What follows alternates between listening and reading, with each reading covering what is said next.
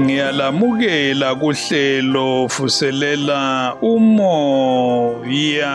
igama ngontungamili nkumo lamhlanje ngilomfundisi usenisibanda Ngiyakwamukela kuhlelo mfundisi. Ngiyalibingelela balaleli, ngiyabonga ukwamukela kulolu hlelo namhlanje. Usiphatheleni lamhlanje? Namhlanje afuna sibale kumahubo 90 ngizabala kuvesi ka-12 ithi yona ngakho sifundise ukubala insuku zethu ukuze sizuze inhliziyo elokuhlakanipha okokuqala ngifuna ukukhuluma ngokuthi umose ngumuntu wayebonane loNkulunkulu wahlangana loNkulunkulu wahamba loNkulunkulu lapha kuvesi ka-12 ukhuluma into okumele ukuba ibe yisikhalo esikhona yikukhala komuntu wonke olapha emhlabeni uma osuza kuNkulunkulu ethi sifundise ukubala insuku zethu kambe siwa nxa umuntu obekade ehamba noNkulunkulu wabona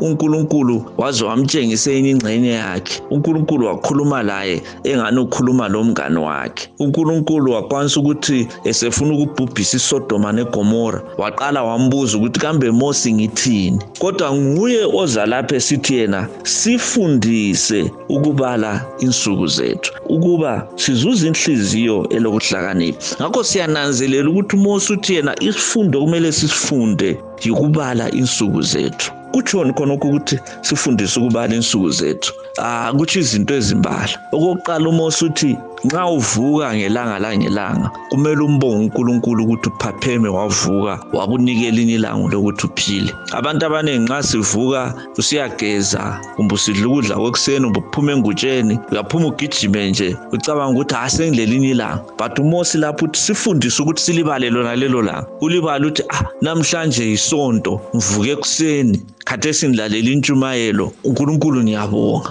khonokhu kumele ukufunde khonokho weza kumbe ungumuntu oleminyaka elithumi lambili kumbe ungumuntu osukuma 8 years kumbe umuntu osemdala kumbe ulijaha nxa undilalele kathesi ngifuna ukuthi ukwenze kube lusiko lwakho ukuthi nxa uvuke ekuseni ubonge unkulunkulu ukuthi mbonga lona leli langa kathesi usengivukile so umose lapho uthi yena kumele siphile njengabantu abathi ngelanga uphila ngelanga wena yilokhu yani ujesu ayekutsho ukuthi uyakhumbula umzekeliso wakhe ni ukuthi lindoda eyayinothile eyavuka isithi yona ah isiphala sami sigcwele ngitshayile inala ngizathengisa ngidle ngize ngisuthe kodwa uJesu wathi yena siwula ngalelo langa uNkulunkulu uzathatha impilo yakho ngakho ke nxa uMoses sifundise uthi kithi impilo yethu yonke ikuJesu impilo yethu yonke ikuNkulunkulu ngesikhathi lesi seCovid ngileqiniso ukuthi sonke sikunanzelele khonokho ukuthi impilo zethu zonke zikuye uNkulunkulu Ukuhlakanipha abalaleli bami yikwesaba uNkulunkulu. Iziwula azimesabi uNkulunkulu. Abanye abantu bathi vele bona kakho laye uNkulunkulu. Ukwesaba uNkulunkulu yikuqalisa ukuhlakanipha okuthola khona empilweni. Ukuhlakanipha esikuthola empilweni asikutholi kuma university kodwa sikuthola ngokwesaba uNkulunkulu. Ungabi ingxenye yabantu laba abangayesabi uNkulunkulu. Kumele uwesabe uNkulunkulu ube kwazi ukuthi ekucineni ukhona ozakubuza ngempilo yakho ukhona ozakubuza ukuthi usaphila emhlabeni wawusenzani uyakhuluma ujohane kurevelation kusambulelo ukuthi kuzavula amabhuku ekucineni sokuthonisisa ukuthi wawuphila njani lapha emhlabeni mlaleli wami woba ngumuntu ozafunyana ukuthi wawuphila usesaba unkulunkulu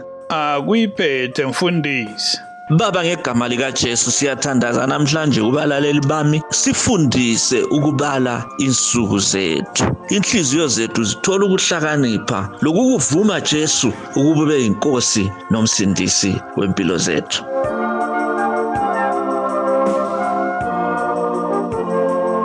lolo bekulohlelo vuselela umoya silomfundisi usenispa